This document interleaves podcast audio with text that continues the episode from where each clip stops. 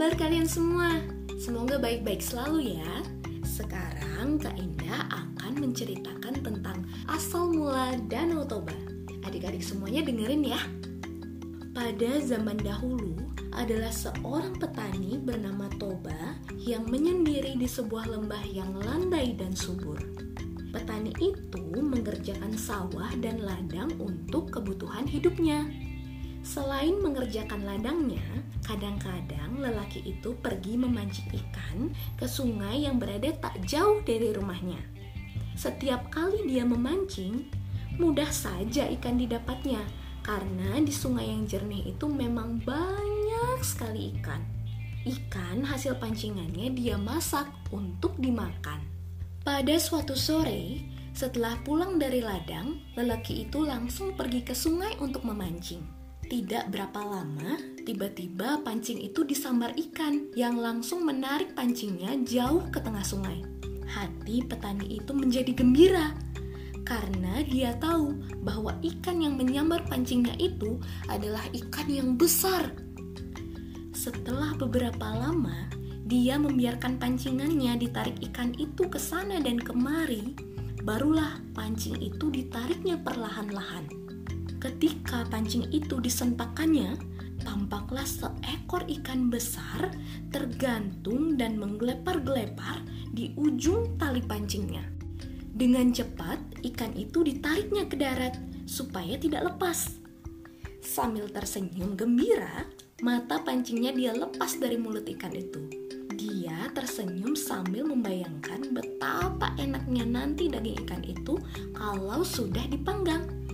Ketika dia meninggalkan sungai untuk pulang ke rumahnya, hari sudah mulai senja. Setibanya di rumah, lelaki itu langsung membawa ikan besar hasil pancingannya itu ke dapur. Ketika dia hendak menyalakan api untuk memanggang ikan itu, ternyata kayu bakar di dapur rumahnya sudah habis. Dia segera keluar untuk mengambil kayu bakar dari bawah kolong rumahnya. Kemudian, sambil membawa beberapa potong kayu bakar, dia naik kembali ke atas rumah dan langsung menuju dapur. Pada saat lelaki itu tiba di dapur, dia terkejut sekali karena ikan besar itu sudah tidak ada lagi. Tetapi di tempat ikan itu tadi diletakkan, tampak terhampar beberapa keping uang emas. Lelaki itu segera membawa keping uang emas ke dalam kamar. Ketika lelaki itu membuka pintu kamar, tiba-tiba darahnya tersirap. Di dalam kamar itu berdiri seorang perempuan cantik dengan rambut panjang terurai. Lelaki itu menjadi sangat terpesona karena wajah perempuan yang berdiri di hadapannya luar biasa cantiknya. Karena hari sudah malam, perempuan itu meminta agar lampu dinyalakan. Setelah laki-laki itu menyalakan lampu, dia diajak perempuan itu mengawaninya ke dapur karena dia hendak memasak nasi untuk mereka. Sambil menunggu nasi masak, diceritakan oleh perempuan itu bahwa dia adalah penjelmaan dari ikan besar yang tadi didapat laki-laki itu ketika memancing di sungai.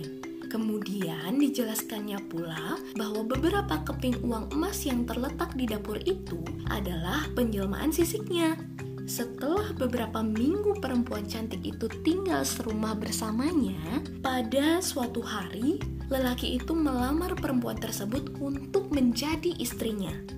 Perempuan itu bersedia menerima lamaran dengan syarat laki-laki itu harus bersumpah bahwa seumur hidupnya dia tidak akan pernah mengungkit asal-usul istrinya yang menjelma dari ikan. Setelah laki-laki itu bersumpah demikian, kawinlah mereka.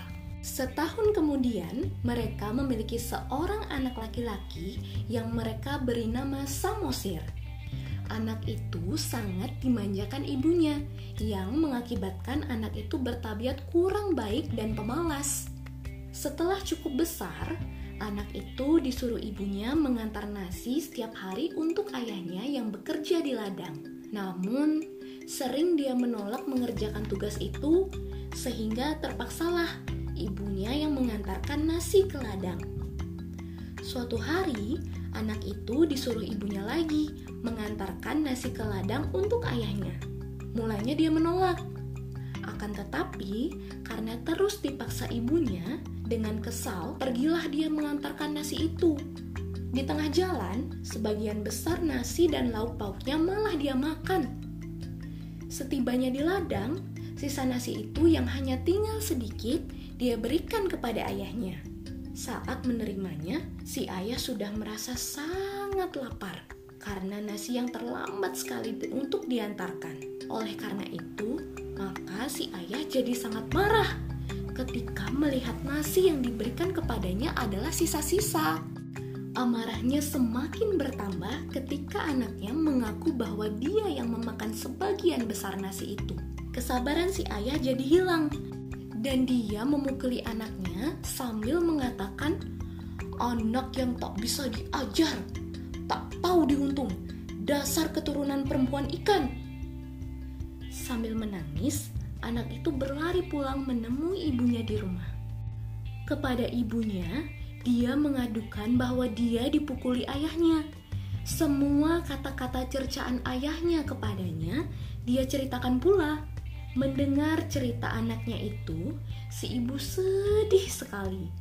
Terutama karena suaminya sudah melanggar sumpahnya dengan kata-kata cercaan yang dia ucapkan kepada anaknya itu. Si ibu menyuruh anaknya agar segera pergi mendaki bukit yang terletak tidak begitu jauh dari rumah mereka dan memanjat pohon kayu tertinggi yang terdapat di puncak bukit itu. Tanpa bertanya lagi, si anak segera melakukan perintah ibunya itu. Dia berlari-lari menuju ke bukit tersebut dan mendakinya. Ketika tampak oleh si ibu, anaknya sudah hampir sampai ke puncak pohon kayu yang dipanjatnya di atas bukit. Dia pun berlari menuju sungai yang tidak begitu jauh letaknya dari rumah mereka itu. Ketika dia tiba di tepi sungai itu, kilat menyambar disertai bunyi guruh yang menggelegar. Sesaat kemudian, dia melompat ke dalam sungai dan tiba-tiba berubah menjadi seekor ikan yang besar.